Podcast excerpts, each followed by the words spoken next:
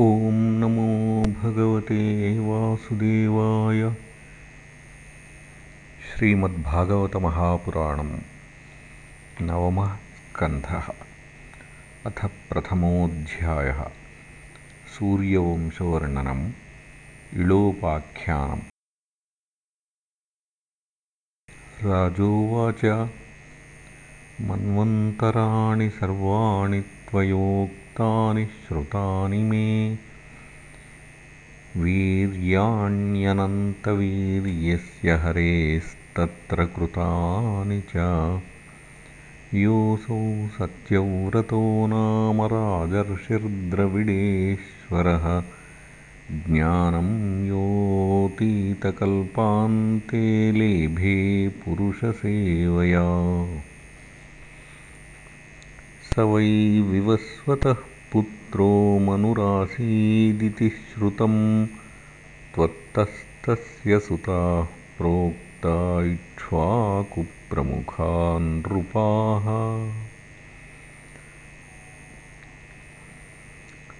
तेषां वंशं पृथग्ब्रह्मन् वंशानुचरितानि च कीर्तयस्वमहाभागनित्यं शुश्रूषतां हि नः ये भूता ये भविष्याश्च भवन्त्यद्यतनाश्च ये तेषां नः पुण्यकीर्तीनां सर्वेषां वद विक्रमान्। सूत उवाच एवं परीक्षिता राज्ञा सदसि ब्रह्मवादिनां पृष्टः प्रोवाच भगवान् सुखः परमधर्मवित्। श्रीशुक उवाच श्रूयतां मानवो वंशः प्राचुर्येण परन्तप। न शक्यते विस्तरतो वक्तुं वर्षशतैरपि। परावरेषां भूतानामात्मा यः पुरुषः परः। स एवासीदिदं विश्वं कल्पान्तेऽन्यन्न किञ्चन तस्य नाभेः समभवत् पद्मकोशो हिरण्मयः। तस्मिन् जज्ञे महाराजस्वयम्भूश्चतुराननः।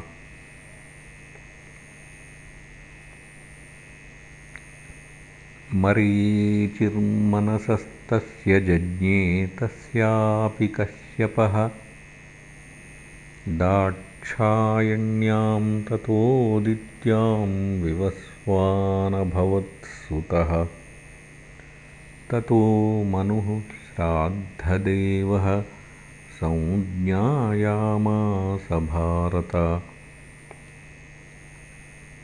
श्रद्धायां जनयामास दशपुत्रान् स आत्मवान्। इक्ष्वाकु नृगशर्यातिदिष्टधृष्टकरूषकान् नरिष्यन्तं पृषध्रं च नभगं च कविं विभुः। अप्रजस्य मनोः पूर्वं वसिष्ठो भगवान् किल? मित्रावरुणयोरिष्टिं प्रजार्थमकरोद्विभुः। तत्र श्रद्धामनोः पत्नी होतारं समयाचता। दुहित्रर्थमुपागम्य प्रणिपत्य पयोव्रता प्रेषितोध्वर्युणा होता ध्यायन् तत्सुसमाहितः हविषि व्यचरत्तेन वषट्कारं गृणन् द्विजः। होतुस्तद्व्यभिचारेण कन्येला नाम सा भवतु। तां विलोक्यमनुः प्राह नातिहृष्टमना गुरुम् भगवन् किमिदं जातं कर्म वो ब्रह्मवादिनां विपर्ययमहो कष्टं मैवं स्याद्ब्रह्मविक्रिया यूयं मन्त्रविदो युक्तास्तपसा दग्धकिल्बिषाः कुतः सङ्कल्पवैषम्यमनृतं विबुधेष्विव तन्निशम्यवचस्तस्य भगवान् प्रपितामहः होतुर्व्यतिक्रमं ज्ञात्वा बभाषे रविनन्दनम्।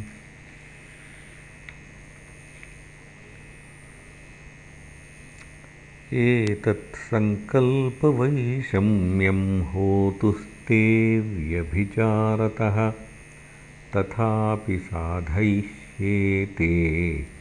सुप्रजस्त्वं स्वतेजसा। एवं व्यवसितो राजन् भगवान् स महायशाः अस्तौषीदादिपुरुषमिलायाः पुंस्त्वकाम्यया तस्मै कामवरं तुष्टो भगवान् हरिरीश्वरः। ददाविलाभवत्तेन सुद्युम्नः पुरुषर्षभः। स एकदा महाराजविचरन्मृगयां वने वृतः कतिपयामात्यैरश्वमारुह्य सैन्धवम् प्रगृह्य रुचिरं चापं शरांश्च परमाद्भुतान्। दंशितोऽनुमृगं वीरो जगामदिशमुत्तराम्। स कुमारो वनं मेरोरधस्तात् प्रविवेशः। यत्रास्ते भगवान् शर्वो रममाणः सहोमया तस्मिन् प्रविष्ट एवासौ सुद्युम्नः परवीरः। अपश्यत् स्त्रियमात्मानमश्वं च बडबां नृप। तथा तदनुगाः सर्वे आत्मलिङ्गविपर्ययम्। दृष्ट्वा विमनसोऽभूवन् वीक्षमाणाः परस्परम् राजोवाच कथमेवं गुणो देशः केन वा भगवन् कृतः? प्रश्नमेनं समाचक्ष्व परं कौतूहलं हि नः श्रीशुक उवाच एकदा गिरिशं द्रष्टुं ऋषयस्तत्र सुव्रताः दिशो वितिमिराभासाः कुर्वन्तः समुपागमन्। तान् विलोक्याम्बिका देवी विवासा व्रीडिता भृशम्।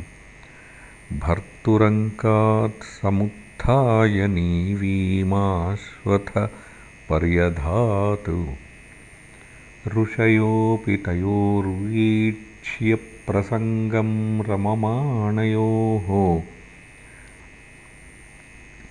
निवृत्ताः प्रययुस् तस्मात् नरनारायणाश्रमम्।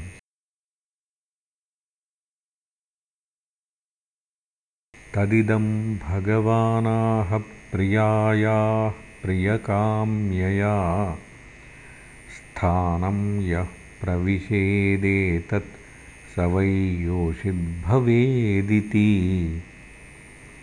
तत ऊर्ध्वं वनं तद्वै स सा चानुचरसंयुक्ता विचचारवनाद्वनम् अथ तामाश्रमाभ्यासे चरन्तीं प्रमदोत्तमाम्।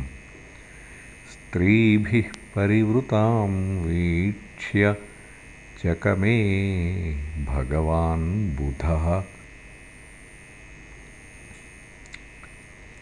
सापि तं चकमे सुभ्रूः सोमराजसुतं पतिं स तस्यां जनयामास पुरूरवसमात्मजम्।